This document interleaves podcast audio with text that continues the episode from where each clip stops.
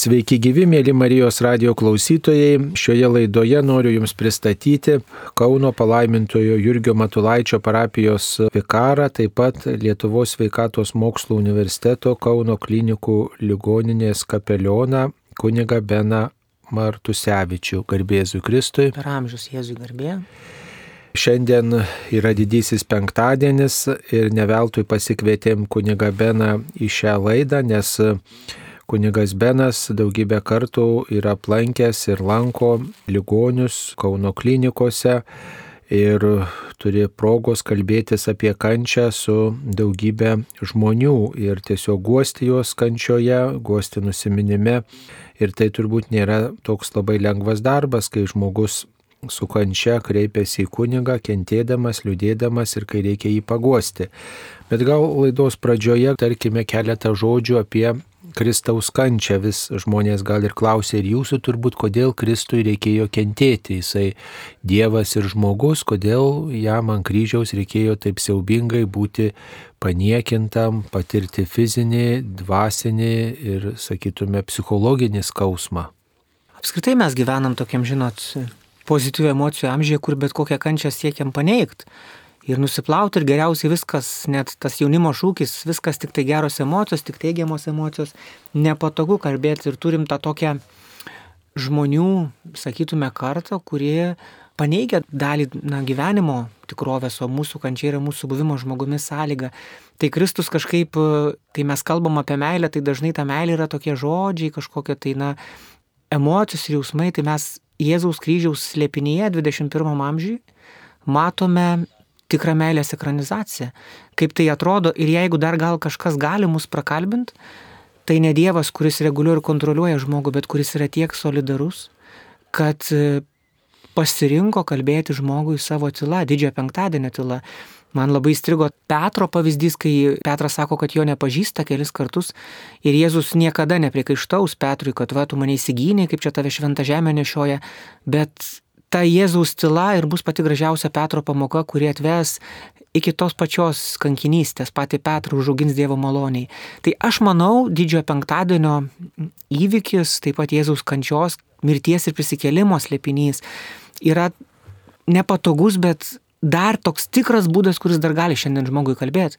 Nes mes iš tikrųjų matom tą meilė, kuri atiduoda save iki skausmo, iki paskutinio siūlo, kuri neskaičiuoja kažkaip savęs, ne, nebando, nebando kažkaip, na, prognozuoti ir e, žmogaus ir padaryti taip, kaip, na, prakalbint kažkokiam taisyklėm, bet pirmiausiai pati parodo savo gyvenimo visiško atsidavimo tėvui pavyzdžių, kaip galima žmogų prakalbinti. Ir šventų kalėdų slėpinys Kristus ateina mūsų, neužgriūna kažkaip kaip gyvas, suaugęs vyras, bet kaip vaikas, atiduodamas save į mūsų rankas, kad galėtų aukti kartu su mumis, su mūsų dvasingumu, su mūsų pastangomis, su mūsų atsidavimu jam. Galiausiai tas pats, na, kryžiaus slėpinys taip pat yra ne kažkaip tvarkyti pasaulį jėga, kai mes suprantam Dievo logiką apskritai yra tokia, kurie pranoksta bet kokį žmogų. Sakau, gerai turbūt žmogus turėtų būti prigėręs arba apsvaigęs nuo narkotikų, kad sukurtų būtent tokį Dievą. Čia tik Dievo meilė gali mus mylėti taip e, iki kryžiaus lėpinio, atiduodama savo sūnų. Ką reiškia tas, na, atiduoti savo sūnų kryžiaus lėpiniui? Tai reiškia, kad Jėzų prilyginti kiekvienam iš mūsų. Tai kad mes esam lygiai verčiai tėvo širdyje kaip ir jo sūnus. Tai čia va tas toks, na, prakalbinimas ir ką mums reikia šitų visų dramų dar 21 amžiui. Turbūt, kad tik tai jos, jeigu mes pilnai pasitikim savo širdimi, pilnai pasitikim proto slėpiniu, prisikėlimo slėpiniu, kančios slėpiniu, tai dar gali kažkas mus prakalbinti ir gali mus paliesti. Visi kryžiaus apmąstymai, visa gavėnė, kryžiaus kelio apmąstymai yra ne tam, kad dar labiau mes čia pradėtume verkti, bet kad pamatytume Dievo meilės gilį, ilgį ir plotį kiek jis sugeba kiekvieną mūsų prakalbinti ir turbūt jeigu suprastume vieną procentą šitos tikrovės ir tos tiesos, kuri mus myli, be ribų, be sąlygų mes ir patys taptume panašus į šitam amžiui, kuris bet kokią skausmo patirtį, bet kokį silpnumą siekia paneigti. Tai Dievas, ateidamas savo sūnuje ant kryžiaus, leidžia mums kartu eiti ir atrasti gyvenimą tose situacijose ir tose aspektuose, iš kuriam dažnai mes norim pabėgti kuo greičiau, kad, na, ir išdavystė mokinių Jėzaus nenukrapštė nuo kryžiaus, bet ėjo toliau ir ne kažkaip suvedinėjo sąskaitas juos bausdamas, bet kalbindamas tą tylę meilę, kuri vienintelė iš tikrųjų tik tai gali šiandien būti išgirsta. Mūsų Dievas Jėzus Kristus yra ir Dievas, ir žmogus. Ir kad kaip žmogus kenčia, tai mes suprantam, nes ir mes kenčiam, mums tas yra pažįstama, vienokia, kitokia kančia mums yra pažįstama iš mūsų patirties arba iš kitų žmonių patirties. Tačiau daugeliu žmonių taip gana sunku suprasti, kaip gali kentėti tobulas Dievas. Vadinasi, jisai nėra tobulas, kad kenčia ne tik tai Jėzus žmogus, bet kenčia ir Dievas Jėzus kaip tą mums priimti, ar tai ir yra tas nuo Dievo nusižeminimas, kad Dievas nusižemina iki žmogaus ir kaip Dievas priima tą kančią, ar dar kaip kitaip galėtume čia dar atrakinti šitą klausimą. Labai daug dalykų krikščionybė yra labai gilus slėpiniai reikalingi mūsų širdies suvokimo nepasiduoda protui. Tas pats Evangelijos sutiktas na, paveikslas, kur Jėzus sugeba 99 teisiuosius aveles ar nepalikti, reikia ieškoti vienos komplikuotos. Evangelistas mus provokuoja, sako, argi jūs taip nedarytumėt? Aišku, kad nedarytume. Argi paliktume savo 99 ištikimus draugus, kurie yra lojalūs, kurie myli, kurie visada padarys ir eitume ieškoti kažkokio komplikuoto. Taip pat yra Jėzaus meilėje, na, Dievo meilė laisvai pasirinkta būti silpnam. Ką tai reiškia? Tai reiškia solidarumą su visomis žmogaus patirtimis iki paskutinio siūlo, kaip kryžiaus patirtis ar ne, kaip žengimas į pragarus. Man įstrigo, žinot, parengiamam kursė teko būti Šiluvoje prieš seminariją studijuojant. Ir mums dvasingumo teologija dėstė Rastas Murauskas, dabar Šiluvos klebonas, te, tebe dabar esantis. Ir man labai įstrigo, sako, ką Jėzus, ką Dievas veikė pragaruose. Tai sako, susirinko sugebėjo nueiti, žengti žmogaus pragarus, kad susirinktų visus tuos, kurie jį mylėjo, jo pasitikėjo, bet ne visada gyveno tobulai.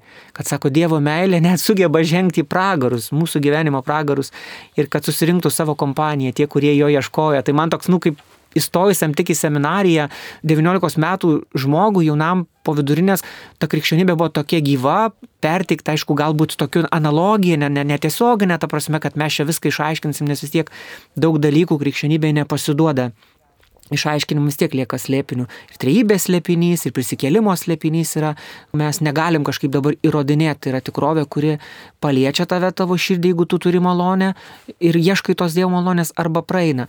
Tai turbūt aš galvoju, kad čia yra tas aspektas, kai Jėzus, jis galėjo daug ko, galėjo nebūti tų dviejų žmonių, kurie kabo šalia jo kryžiaus valandą ir sako, ką tu čia, jeigu tu Dievas, tai nekentiek, kai mes Dievą suvokiam kaip galingą, kaip tą, kuris tvarką padaro, o čia jo prisimta laisva kančia, laisva, na, ėjimas, sugebėjimas eiti tėvo valioje iki paskutinio siūlo. Ir suprantant, kad e, Jėzus prisėmė kančią, tai reiškia, kad jis buvo tikras žmogus, ne kažkokį tai spektaklį vaidino, taip kaip mums atrodo, žinojo maždaug, kad Dievas, bet e, tikrai keliavo iki tos galutinės žmogiškos ribos, visiškai pažeidžiamas, visiškai apiplėštas, visiškai vienišas, ta vienatvė, ką reiškia mirti vienam, tai turbūt ir Jėzus sako, iš tos skausmo atiduodu iš tavo savo dvasę tėvui, tai va tas solidarumas su juo, tai tik tai begalinė meilė taip gali savo sūnų atiduoti ir tik begalinė meilė gali paklusti tėvo valiai, kad mes kiekvienas turėtume ir patirtume gyvenimą. Tai čia yra toks Aišku, mes kalbam apie tai, kad Jėzus mus myli visiškai už nieką nemokamai iš malonės, bet kartu mes ir atsakom į šitą klausimą, bet kartu šitas klausimas ir lieka slėpiniu, nes mes Dievo meilės gelmių nepajėgus taip išmastyti, išaiškinti, tik tai Jis taip gali mus mylėti ir daug dalykų Evangelijoje, krikščionybėje, kryžiaus slėpinys, tas ant kryžiaus kabantis Dievas reiškia apkabinta pasaulį, apkabinta kiekvieną, per mišes pakeltas Dievo vainėlis, štai Dievo vainėlis, kuris naikina pasaulio nuodėmės, reiškia ne tik Jėzų pakeltą, bet pakeltą kiekvieną žmogų, kuris jį myli. Tai čia mums lieka tos lėpinių, mes pabandom, aptariam šiek tiek, paaiškinam, bet turbūt ir didį penktadienį ir visą savo gyvenimą, beaiškinant, liks tik tai prie tos lėpinio priklaupti jūs esat jaunas kunigas ir štai tenka jums dirbti klinikose kapelionu ir lankyti ir nepagydomom lygom sergančius ligonius ir, ir vienišus ir senukus. Kaip priima, štai kai jūs ateinat kaip kunigas ir gal prabylate kažkaip prie ligonio lovos apie Kristaus kančią, ar tai priima jūsų nešama žinia apie Kristaus kančią, kuri įprasmina ir ligonio kančią, kad štai jaunas kunigas, o kalba apie kančią, maždaug vaikeli, gal tu, gal tu patilėktų, tiesiog gal nekalbėk man šito, ar su tokiais atvejais susidurėte. Aišku, žinot, daugiausia tų pacientų, kuriuos mes kaip kapelionai aplankom Kauno klinikose, 80 gal procentų yra tokių, kurie guli reanimacijai. Nes mes suprantam, kad kunigas ir Dievas yra tik ekstra atveju. Tai yra taip, kaip tu turi nueiti, tiesiog jau nėra kito varianto, jau išeinantis žmogus be sąmonės, jis tavęs negali taip sąmoningai bendrauti kaip kitas žmogus, kuris perina visus etapus lygos, paneigimą, pyktį, galbūt po to galiausiai susitaikymą, bet aš visada matau labai daug geros valios už tų žmonių, jeigu tu eini atvira širdimi ir jie tikrai praeina viską, kartais e, galvoju, kad ne aš ten einu kažkaip mokyti ir nešti tą Dievo žinę jo artumą, bet jie man yra skirti, sakau, reikėtų į klinikas siūsti kunigą, kuris galbūt jau prarado tą tokį pasitikėjimo Dievu ir jeigu turi atvirą širdį, Dievas rastų būdų, kaip pamatyti, kaip prakalbėti. Tai žinot, yra visko tikrai. Yra ta karta, kuri labai atvira, kai tu eini pa žmonės ir užkalbini tiesiog žmonės, kurie sako, kad jie nėra tikintis, bet visai sako, smagu būtų pakalbėti su jumis. Tai jaunas žmogus, kuris tiesiog labai atviras ir ieško atsakymų. Čia teko aplankyti žmogų, kuris laukia kartu ir transplantacijos ir kaip jis gražiai vis kalbėdavo su savo žmona per messengerį vaizdu. Ir kai aš užėjau pas jį, sako, aš netikintis kunigė, bet sako, gal galėtumėt, net kaip keista, aš klausiu, ko jūs norit. Ar su ligonių patepimo, ar jūs norit švenčiausio sakramento ar dar kažko. Aš sako, nieko nenoriu, aš noriu tiesiog pasikalbėti žmogaus, kuris pabūtų. Ir tu matai, kaip tas žmogus liudyja savo gyvenime, na, tą sakytume, anoniminį krikščioniškumą, kaip Karlas Raneris. Ir jautrus, ir ta meilė, ir matai, kad jis nenori dalintis savo labai didelius skausmus su mylimai žmonėm, kad juos apkrautų. Tai vadinasi, vis tiek yra galvojimo apie kitą, to kryžiaus lėpinio dalis žmoguje ir tai yra toks nu, mes nenorim apkrauti, vadinasi, yra kažkokia meilė. Ta meilė, ta dieviška meilė, kuri ne kažkaip apkrauna ten, bet tikrai galvo apie kitus žmonės, nepatogu mums kalbėti, jeigu esam kažkiek tai pažeidžiami dėl to, kad nenorim skaudinti kitų ir tu matai, kaip žmogus auga. Tai žinot, daugiausia aplankau tų žmonių ir visi kapelionai turbūt sutiks, kad aplanko tie, kurie iškeliauja, nes pas mus ligonių patepimas yra siejamas ne su gydimo sakramentu, ne su vilties ne su Jėzaus prisilietimo prie žmogaus gyvenimo sakramentu, bet su kažkokio tai paskutinio patepimo, kai nėra jokios vilties. Bet jeigu eini pas to žmonės, kurie kviečia tave patys ir nori kažkokio pokalbio gyvesnio, visada sutinki žmonės, kurie yra labai motivuoti. Ir perkeisti tos kančios. Dažniausiai tokių, vat, kaip jūs pastebit ir pažymit, susitikimų su žmonėm, kurie, ką čia maždaug tas vaikas jaunas pasakys, būna taip, kad ateini, kaip esi kviečiamas tarsi užėjti, nes artimieji nori, o žmogus dar nepasirengęs. Ir jis, žinot, užsidės tokius filtrus, kad maždaug atmetimo filtras. Nu ką čia, ką čia paseks, ką čia man papasakos tas kunigas, ką čia gal kokią kančią kažkokią, nu, čia kentėkit kaip ir Jėzus kentėjo. Ir tu matai, kad jeigu tas atvira širdis yra, tai tie, na, tie šarvai krenta, krenta, krenta po truputį. Ir žmogus, jeigu tu eini bendradarbiauti, bet ne kažkaip mokyt, kad oi čia dabar aš žinau visus atsakymus, man patiko, pas... labai tokia stipri patirtis buvo, kai žmogus ketvirtos stadijos vėžių ir jis kenčia, jam leidžia morfijų ir kol jam leidžia, jis nerėkia. Nustoja leisti morfijus, pradeda rėkti ant visos skyriaus. Ir aš nuėjau prie tos moters ir sakau, žinok, aš tai jūsų nesuprantu. Ir nedaug dievės, sako, aš galiu tik įsivaizduoti, kaip, jums, nu, kaip jūs kenčiat ir negaliu apsiginkluoti, kad va, pakentėjai, nes ir Jėzus kentėjo, bet aš suprantu, kad jums labai skauda, bet kaip skauda, aš negaliu suprasti, galiu tik šalia pabūti. Tai kažkaip netakuodamas užuojaut ar kažkokiais ten žodžiais, bet savo artumu ir tiesiog malda. Kartais, kai nežinau, ką sakyti, tai žmonės klausia, kaip išeiti iš to, tai aš sakau, kai nebus ypatingai, ne, negalėsit kažkaip apeitos kančios, tai ta tobuliausia malda Jėzaus malda, Jėzų viešpatį tavo rankas atiduodu savo dvasę. Tiesiog siūsti dvasę, siūsti, siūsti savo dvasę tam, kuris ras būdų, kaip pakelti, jeigu neišgelbėt nuo tos kančios, kaip mums padėti pakelti tai, ką mes išgyvenam. Taip Jėzaus vardą tarti, nes Jėzus ir Dievas ir žmogus ir jis arčiausiai turbūt kiekvieno žmogaus yra, nes už mus pasiaukojo. Tas Jėzaus vardo tarimas turbūt įprasmina ligonio kančią ir palengvina ją. O e, kokias dar galbūt patarėte maldas melstis tiems, kurie kenčia, bet tokie yra vieniši, nelankomi ligoniai, kurie gal išgyvena nevilti, kurie gal tik ir pasikalbėti nori su kunigu, gali netikintis ar pasiūlot kažkokią gal ir kokių kitų maldų melstis ar kaip kreiptis į Dievą. Aš sakau, pačios giliausios maldos, tai panašiai ne kaip e, išmokti Šekspyrą ar Hamletą ir įkalbėti, bet su Dievu sakyti ir savo na, žodžius taip, kaip su mylimuoju bendrauti, nes tai yra gyvas ryšys su tuo, kurį myli ir tu supranti, kad Dievas, ar tu tiki, kad jis ateina į visą šitą situaciją sunkiausių būdų, kaip Evangelijui Jėzus e, dvi dienas užtruko, kad aplankytų lozorių ir visi kažkaip norėjo paskubinti, ar ne, kad va, tu greičiau nueik, nes reikia pagydyti, jisai serga, o Jėzus nenori pagydyti, jis nori dovanot naują gyvenimą, kartais norima, kad viešpat sulipintų mūsų širdį kažkaip ar ne, atitiktų kažkaip paremontuotų pagal mūsų lūkesčius. Bet aš sakau, jūs turėkite atvirą širdį ir leiskit Dievui ateiti prie jūsų pačiu geriausiu būdu. Pasitikėkit taip, kaip mylimuoju, kad jis ateis, kad jis ras būdų, ras kelią, ras vietą ir sakau, kalbėkit gyvai žodžiais. Ne tik tai tom maldom, kurios pritaikytos bendruomeniai, kad mes kalbėtume vieno širdimi, vienomis lūpomis, viena mintimi, bet priešingai galima jau kalbėti dar ir savo žodžių su to, kurį myli ir pasitikėti, kad jis veikia pačiu geriausiu būdu. Aš patariu dalintis su Dievu gyvenimu, taip kaip jie dalinasi su tuo žmogu, kurio labai mylėjo, galbūt kurį turėjo, ar kuris jau iškeliavęs į žinybę.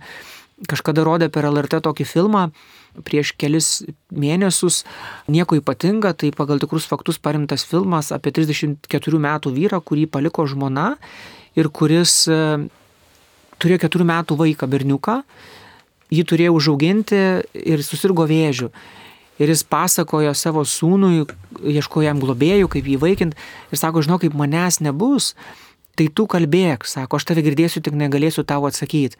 Tai aš labai dažnai ir kaip dabar čia vat, prieš kelis mėnesius teko nueiti į reanimaciją, matai ant mamos, ant mamos rankų e, gulinti avarijų patekus 20 metų vyrą, sūnų, jauną berniuką, tevelį matai jų mano metų, ten iki 40 metų tie teveliai tokie Ir ką sakau, jūs tiesiog kalbėkit, siūskit savo mintis, savo meilę, nes jos smegenys mirė, jos širdis gyva. Ir aš nieko negaliu pasakyti. Tai aš taip pat sakau, kad ir jūs, kurie iš tikrųjų sergat ir kurie išgyvenat kažkokius klausimų periodo, kai klausi, kai bejoji, kai nesupranti, tai kalbėti Dievui. Kalbėti Dievui savai žodžiais. Ir jeigu turėsim atvirą širdį, viešpats nuras būdų, kaip palies. Galbūt netiesiogiai ten kažkaip, kaip mes įsivaizduojam ir laukiam per kitus žmonės, per kitų žmogaus prisilietimą ir jautrumą per kitų žmonių patirtis, per mūsų gyvenimo aplinkybės. Tai labai daug atviro širdies visada linkiu ir labai daug, na, tokio pasiryžimo melstis ir savai žodžiais, ne tik kaip aš suprantu, bet palaikyti su Dievu ryšį gyvą, ne tik poeziją ar tai, ką išmokta skaityti per katekizmą ar katekizmo kursus ar kažkokius ten e, pasirinkimą komunijai, e, sakramentam, bet per gyvą ryšį su tas, tas maldas kalbėti, kurias kaip su mylimuoju bendrauju, kaip su savo tėčiu, mama, su toktiniu bendrauju kiekvieną dieną. Jūs turbūt matėte įvairių tų kančių, įvairių kančios akivaizdoj buvote. Kaip galėtume pasakyti, kokia kančia yra sunkiausia, kai kenčia žmogus vienas, kai kenčia dvasinę kančią be fizinės ar dar kaip kitaip? Pati sunkiausia kančia yra žmogaus, kuris kentėdamas nemato tikslų ir prasmės. Va toks ir priešingai tos, kur žmogus jau tikrai mato kažkokį tikslą gyvenime, dėl ko kenčia, kai nėra paliktas vienas, tai jis gyvena tą kančią, na, viltingai. Tai reiškia, kad ta kančia tampa Kristaus prisikėlimo, prikelto Kristaus kančios dalimi, jis jungia save prie jos. Aš matau, kažkada teko eiti pas moterį, kuri serga ketvirtos stadijos vėžių, įstrigo, kad slaugos ligoniniai, čia Petrašiūnos atlikinėjau praktiką kaip klierikas dar eidavomės ten kiekvieną trečiadienį, praktikos dvi valandos ir aš visada matydavau, kaip ta moteris, kuris su labai rimta diagnoze, su metastazavusiu vėžiu visada atidarus e, žiemos viduryje langą. Ir aš klausiu, kodėl jūs taip atidarius tą langą, juk šitaip šalta laukia. Sako, aš noriu, kad mane perpūstų ir noriu kuo greičiau numirti. Nes sako, mano sunus yra iškeliavęs migracijai, aš sako, esu palikta viena ir žmogus nemato tikslo, nemato tos prasmės gyventi. Jis kažkaip galvoja, na, kad yra paliktas vienas ir ta kančia, tas išgyjimas niekam vertingas. Ir tiesiog atrodo, kad žmogus yra problema ir jis praeis ir jeigu dar nėra sutikęs to vienijančio žvilgsnio, vienijančios širdies su Dievu savo gyvenime, na, kad susivieniu su juo, kad aš pirmiausiai jis yra mano kasdienybė ir tikrai kartu Kristus kabant kryžiaus didį penktadienį tam, kad mane apkabintų, kad glaušiausi prie jo. Ir dar nėra to artimų žmonių, kurie kartu išgyvena kažkaip, na, padeda, padeda įprasminti, matyti tą prasme kiekvieną valandą, kuri dar liko čia, matyti viltingai, tada tikrai be abejo nusvyra rankos. Ir kitas kraštutinumas, kai tu matai, sakytume, žmogų, kuris serga labai sudėtinga lyga autoimuninė, valandos yra paskutinės, pats imunitetas valgo žmogaus gyvenimą, žmogaus egzistenciją, čia tą žemės egzistenciją ir žmona ateina šalia to vyro ir būna jį maitina, nors jis rankos dar gali valgyti ir tu matai, kaip žmogus kabinas ir slėpiningai pradeda gyti į gyvenimą, jis apsuptas meilės, artimų žmonių besalginės meilės, ateini į palatą, matai, žmogus kalba brevijorių, rožinio maldą, prašo bent vieną kartą per savaitę, jeigu, nu, maždaug kunigė nesitrukdykit, bet jeigu turėsit galimybę, tai bent sekmanį atneškit šventą komuniją, tai tu matai žmogų kažkaip, na, tame savo skausme matai suradusi prasme. Ne kažkokį tiesiog vat, e, prakeikimą, kad kenčia čia dabar, nes sakau, pozityvios emocijos Lietuvoje, visame pasaulyje sako, kad jeigu tu kenti, tai vadinasi čia kažkoks prakeikimas. Tai Jėzaus kryžius ką leidžia pamatyti, kad yra buvimas žmogumi slėpinys. Ir jisai prisiema tą pačią kančią, kad mes eitume toliau nei kryžius. Ne tik tai sustotume ir dabar vat, viskas kentėtume, bet skausme pamatyti gyvenimą, artimų žmonių veidus, skausme pamatyti Dievo prisilietimą prie mūsų to paties penktadienio tylą.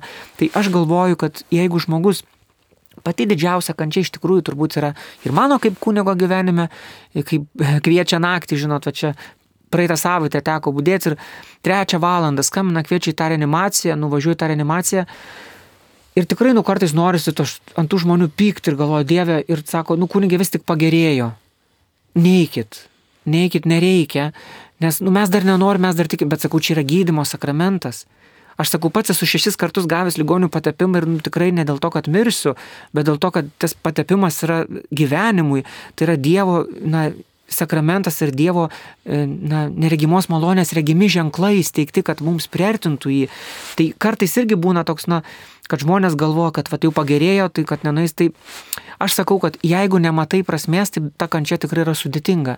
Bet jeigu matai mylimų žmonės, į kuriuos gali atsiremti, tuos, kurie tave lanko, esi sutikęs Dievo malonę, kuri tave palydė, net ir per tą patį ligonių sakramentą, kuris yra ne mūsų kažkaip silpnumui sustiprinti, bet mūsų silpnumą įprasminti sakramentas. Tada be abejo ta kančia yra tokia prasminga ir nėra tokia nepakeliama. Daugelis įvairiausių mąstytojų ir, ir dvasininkų ir pasauliečių yra kalbėję apie tą kančią ir savo mintimis tarsi padėdavo žmonėms ją pakelti. Štai pavyzdžiui, Kotrina Sienietė yra pasakiusi, kad nieko, kas yra didinga šitoj žemėje, neįvyksta be didelės kančios. Arba pavyzdžiui, tėvo Stanislovo labai mėgtas poetas Raineris Marija Rilkė sakė, kad per kančią žmogus prieartėja prie esminių dalykų ir neįstringa gyvenimo paviršiuje. Na mes turbūt ir patys žinom, kaip kančia mus brandina, nokina, bet vis tiek mums sunku kentėti. Tai gal tas žinojimas, kad ta kančia nebus nuolatinė, kad, kad jinai gal kažkokiu būdu naudinga, net jeigu ir nežinau kokiu, bet Dievas žino, kokiu būdu jinai gali man padėti.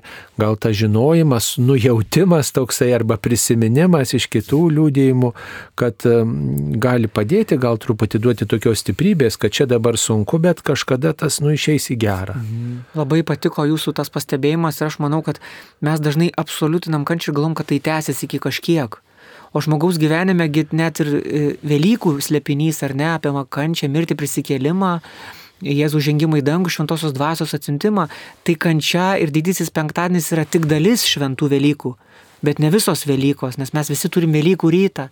Ir tas Jėzaus buvimas Velykų ryte, tai reiškia, na, mūsų visų drąsa, Dabar turbūt galim kiekvienas, klausant į šitą laidą, savo gyvenime kažkaip padaryti tokią refleksiją, pažvelgti savo gyvenimą, kai aš gyvenau, išgyvenau skausmą ir kad atrodė, kad viskas jau kažkaip ribos dugnas pasiektas ir daugiau tik tai žemyn. Jau nebus kažko, jokio šviesaus. Ir dabar atsispyrėmės galime matyti, kad tai buvo, na, Velykų ryto tikrai ta dalis, kai patyrėm Velykų rytą, kai iš to išėjom, iškeliavom, kažkaip tai įsisprendė Tai aš galvoju tikrai, nu, visada turėti, krikščionis visada turi viltį, visada tas Velykų ryto pagrindas yra krikščionio tikslas, kad Velykų rytas, ne kažkaip tai mes mazochistai, kurie čia dabar garbinam kančią, ne, krikščionis kančioje mato gyvenimą, ne kaip šiandieninės realizacijos mokyklos, kur ten pabėgti, paneigti kančią, apsvaigti. Jėzus vienintelis, kuris nepanaikina žmogaus kūno, slėpinio kažkaip tenoj, apsvaigti ekstazę kažkokią, bet priešingai jį patvirtina ir jį pats prisijama, leisdamas krikščionybėje labai daug blogos įtakos, aš manau, yra padaręs platoniškas mąstymas, kad čia kažkoks kūnas, kažkoks nuodėmė, kažkoks kalėjimas, kažkoks fiziškumas. Tai Jėzus ne, Jėzus sako, kad kūnas yra šventosios dvasios šventovė, kad jis yra gražus, jis savo primdama žmogaus prigimti ją pašventina, susakralina, kančią padaro, kaip, na, sakytume, žmogaus, na, buvimo žmogumi sąlyga ir kaip galimybė tą dialektiką mano padarytos nuodėmės, mano patirta kančia skaistina mane, kad aš galėčiau suprasti kitų žmonių silpnumą, jų padarytas nuodėmės, kad čia nėra kažkoks kosmosas, kad žmogus nusideda. Mano patirtas skausmas leidžia mano širdį taip stipriai atpalaiduoti, kad aš sugebėčiau suprasti, kad ir kitiems skauda kad gebėčiau liestis prie kito žmogaus taip, kaip pats norėčiau, kad būtų liestasi. Tai aš manau, kad kančia, iš tikrųjų, jeigu nėra prasminga, su Jėzumi priimta, su savo gyvenimo tikrovė, tai yra mūsų širdies kvalifikacijos kelimo egzaminai. Mes negalim pakelti savo širdies kvalifikacijos sėdėdami ant sofos ir spaudydami distancinio e, mygtukus, žiūrėdami, gerdami alų, žiūrėdami televiziją. Bet kartais tai reiškia, nereikia mums ieškoti kryžių. Tai yra mūsų žmogiško gyvenimo dalis. Nereikia papildomai kažkaip pasiaukoti, kentėti. Reikia tiesiog primti tai ir be abejo su Dievu suprast, kaip jūs minėjot labai gražiai, kad tai nėra be perstojo, tęsis viskas ta kančia, tas, tai yra Velykų ryto dalis. Bet mes turim Velykų rytą. Taip, ir dar turbūt svarbus toks aspektas, kad ta kančia išmoko mm, įvairių dalykų. Vat, pavyzdžiui, vienas iš jų yra nuolankumas, kitas iš jų yra kantrybė ir tiestas nujautimas arba ta nepagydoma lyga, jinai galbūt išmoko džiaugtis šią akimirką, džiaugtis paprastais dalykais. Tai nėra taip, kad ta kančia vien tik sutraiško, bet ji gali būti ir galimybė atrasti gyvenimą iš naujo ištyrina žvilgsnį, pamatai, kad neturi tokių begalinės laiko šitoj piligrimystėje žemės, tavo laikas nėra begalinis, tai tada supranti, kad gali padaryti pačius svarbiausius dalykus, gali perskaityti pačias svarbiausias knygas, nepamiršti pasakyti pačių svarbiausių žodžių savo artimiesiems. Man labai strigo susitikimai per šitą adventą, praeitais metais teko lankyti vairius klinikų skyrius ir eidavau 5 minutę, tai yra gydytojų, slaugytojų, padėjėjų susitikimą su kunigu, kai kurie skyriai kvietė ir ten turėdom tokią kavos pertraukėlį ir bendravom ir vienam skyriui labai, na, įstrigo 55 metų gydytojos patirtis ir palinkėjimas visiems mums sėdintiems prie to stalo. Tai sako, žinot, aš nugyvenu 55 metus savo gyvenimą, per šitus metus aš palaidau savo vyrą ir savo sūnų. Ir aš sako, visą gyvenimą būdama su jais nesugebėjau parodyti ir pasakyti, kaip stipriai aš juos myliu. Tai sako, aš linkiu jums kiekvienam ateinančiam naujų metų slengsti, veriančiam, nepamiršt, ne tik parodyti, bet ir pasakyti, kaip stipriai jūs mylit. Tai aš manau, kad kuo žmogus labiau supranta, kad tas laikas yra ribotas, čia naita piligrimystė yra ribota, jis geba padaryti pačius svarbiausius dalykus, tada tikrai kažkaip lieka erdvės ir vietos ir laiko pokalbiui su Dievu, nes supranti, kad pati svarbiausia pabaigos dienos malda ir pats svarbiausias pokalbis yra su tuo, kuris tave sukūrė, kad atsiprašytum, jis susitaiko su savo gyvenimu. Kažkada prieš gal metus laiko vienas vyras iki 60 metų dabar pakvietė mane į klinikas, nori atlikti išpažinti, sako, aš, ne, skambina telefonu ir sako, kad po trijų parų mirs, aš galvoju, kad žmogus išprotėjęs, kaip žmogus gali galvoti, kad jau iki trijų parų gyvens ir numirs. Ir po to jis pasikalbėjo, sako, aš pasikviečiau kunigę jūs, tada pasikviesiu savo artimuosius, pasikalbėsiu, susitaikiusiu, ruošiuosi susitikimui su viešpačiu. Ir jam iš tikrųjų buvo atlikta labai daug operacijų, dešimt metų operacijų ciklas žarnyne ir galiausiai paskutinė operacija, kurių negalėjo vykti, nes tiesiog nėra ko operuoti. Sako, per tris paras nekrozuos visi vidaus organai, žarnos ir tiesiog iki trijų parų žmogus gyvena, po to vyksta visos žmogaus organizmo apnuodijimas ir tiesiog iškeliauja. Ir man jis labai patiko, kai sako, aš tikrai nebijau mirti. Aš suprantu, kad šitas laikas, kuris yra duotas, tos kelios paros, yra mano susitaikymui. Tai tikrai kažkaip kai tu supranti, kad neturi labai daug laiko, nelieka tada to tuštiem dalykams to laiko, lieka patiems svarbiausiam. Tai tikrai, na, kitas žvilgsnis nėra taip, kad žmogaus gyvenime kančia tik atima. Bet labai daug dovanoji, sugebi pažvelgti krikščioniškų žvilgsnių į savo gyvenimą, prikelto Kristaus žvilgsnių į savo gyvenimą, kad tai yra ir širdies kvalifikacijos kelimo egzaminai, ir kitų žmonių supratimui, ir galiausiai savo gyvenimo gebėjimui plaukti ne tik tai paviršių, bet ir, ir tisigelme.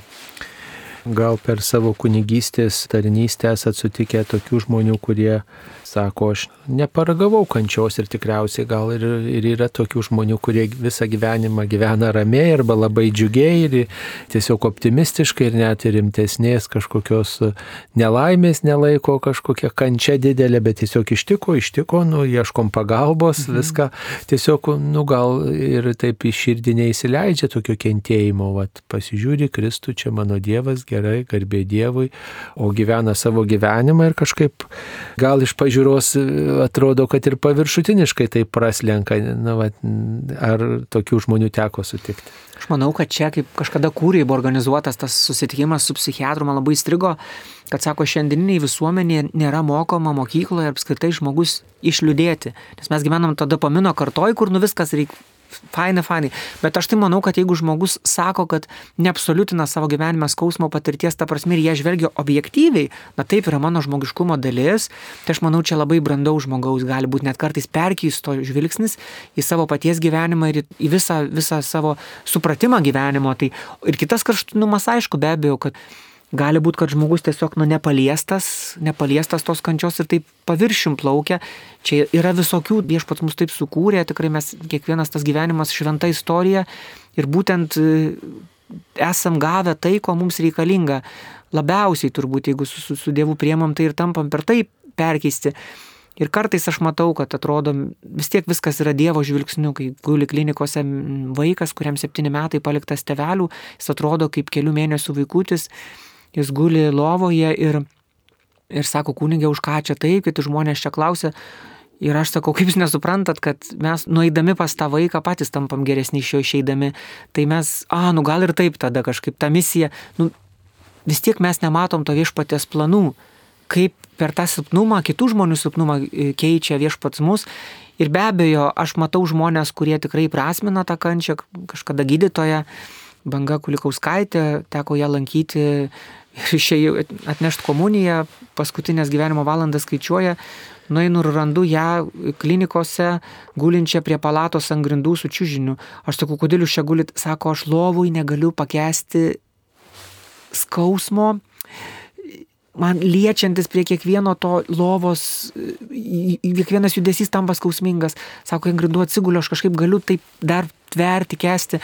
Ir tu matai, kad žmogus yra palitėtas Dievo ir jis nieko nepyksta.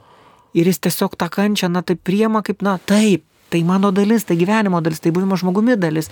Ir tu matai, kad va, ne, ne, nesakysi, kad žmogus kažkoks toks, nu, paviršutiniškas ir jis nemato, ne, ne jis mato kančią, bet jos neabsoliutina. Ir kitas žmogus, kuris be abejo turbūt dar tam susitaikymo procese, kuris bet kokią kančią reikia, nori paneigti, nori kuo stipresnių vaistų, tai kiekvienam turbūt yra duota mūsų gyvenime taip, kaip reikalinga, vat, kad mes su tokiu kūrenčiu žvilgsniu, su Jėzų žvilgsniu galėtume primti, tai reikia turbūt tos vienybės su juo ir atsiverimo jo dvasiai.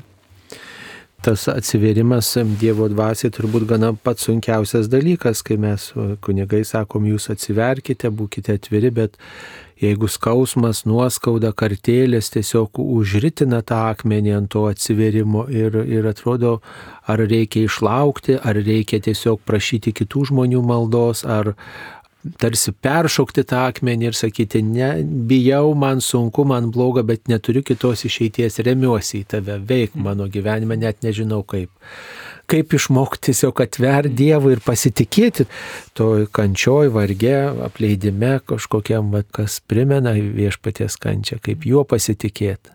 Prašyti, kaip toj knygoje klasikos, ar ne, Dieve, išmokink mane eiti mažų žingsnelių menų, kad tas skausmas, ta patirtis, na, aš einu, bet tu būk kartu su manim ir tais mažais žingsneliais padėk ištverti, jeigu negaliu iš karto primti, tai kažkaip viešpatė nedaug tiek, kiek negebėčiau, tas mano fiziškumas pakelt ir stiprink mane savo artumu. Tai vad, sakau, po truputį, negalim nusiplauti viso kūno, tai nusiprausiam veidą. Negalim nusiplauti, išsiplauti visų namų, tai išsiprausiam tą kampą, kuriame sėdžiu. Ir kaip tu matai, kad po truputį, po truputį, taip slėpiningai viešpatės malonė tave veda, tu matai, kad tai nėra taip nepakeliama.